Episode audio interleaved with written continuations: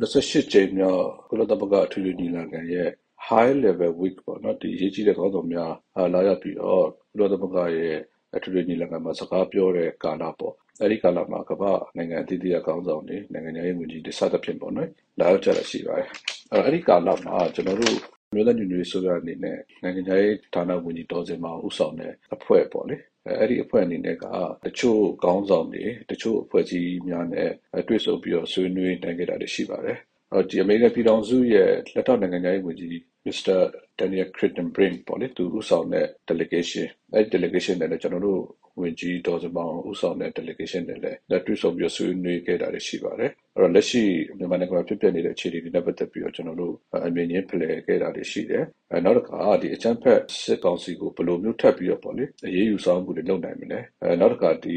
ကျွန်တော်တို့လက်ရှိမြန်မာအရေးနဲ့ပတ်သက်ပြီးတော့လည်းဘယ်လိုမျိုးပေါ့နော်ထပ်ပြီးတော့နိုင်ငံတကာသိရှိလာအောင်တတိထားမိလာအောင်နောက်ပြီးတော့ကျွန်တော်တို့ကူညီရရှိရေးကိစ္စတွေစသဖြင့်ပေါ့လေဒါတွေနဲ့ပတ်သက်လို့လည်းဆွေးနွေးနိုင်ခဲ့တာရှိပါတယ်။နောက်တစ်ခါကျွန်တော်တို့ဒီသတင်းပတ်ထဲမှာပဲပေါ့လေ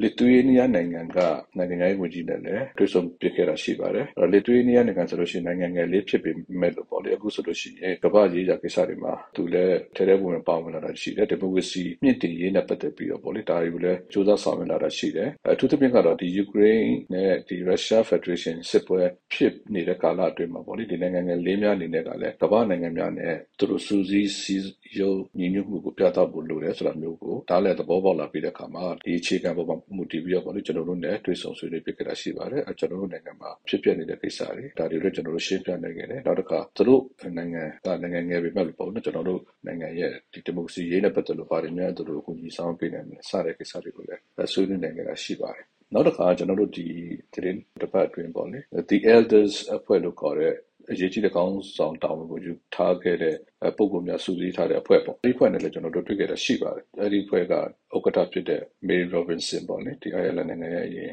သမ္မတဟောင်းနောက်တစ်ခါဒီမွန်ဂိုလီးယားရဲ့သမ္မတဟောင်းဖြစ်တဲ့ Albert Dosh ရဲ့နောက်တစ်ခါကိုလံဘီယာရဲ့သမ္မတဟောင်းပေါ့နော် Manuel Santos တို့စသဖြင့်ပေါ့လေသူတို့ဥဆောင်တဲ့ အဖွဲ့နဲ့ကျွန်တော်တို့တွေ့ဖြစ်ခဲ့တယ် The Elders အဖွဲ့အနေနဲ့ကလည်းမြန်မာရေးနဲ့ပတ်သက်ပြီးသူတို့တော်တော်စိတ်ဝင်စားတယ်အဲ့တော့ဒါမဲ့နှစ်အတွင်းမှာလည်းမြန်မာရေးကိစ္စမှာသူတို့ဘာတွေများကူညီဆောင်ရွက်ပေးလို့ရမလဲပေါ့လေနိုင်ငံတကာပို့ပြီးတော့ဒါတတိထားမိလာအောင်ဘာတွေများသူတို့ဆောင်ရွက်ပေးရမလဲအစတဲ့ကိစ္စတွေကျွန်တော်တို့ဆွေးနွေးဖြစ်ခဲ့တာရှိပါတယ်နောက်တစ်ခါ The Elders အဖွဲ့အနေနဲ့ကဒါကျွန်တော်တို့နိုင်ငံအရေးနဲ့ပတ်သက်ပြီးတော့ပေါ့နော်ဟိုနိုင်ငံပြဿနာတွေပြေလည်အောင်စူးစမ်းဖို့ကိစ္စတွေနဲ့ပတ်သက်ပြီးတော့လည်းသူတို့နိုင်ငံမှာကြုံတွေ့ခဲ့ရတဲ့အတွေ့အကြုံတွေဒါတွေကိုအခြေခံပြီးတော့လည်းအကြံဉာဏ်ပေးခဲ့တာရှိပါတယ်ဆက်လက်ပြီးတော့လည်းကျွန်တော်တို့ပူးပေါင်းဆောင်ရွက်နိုင်မယ်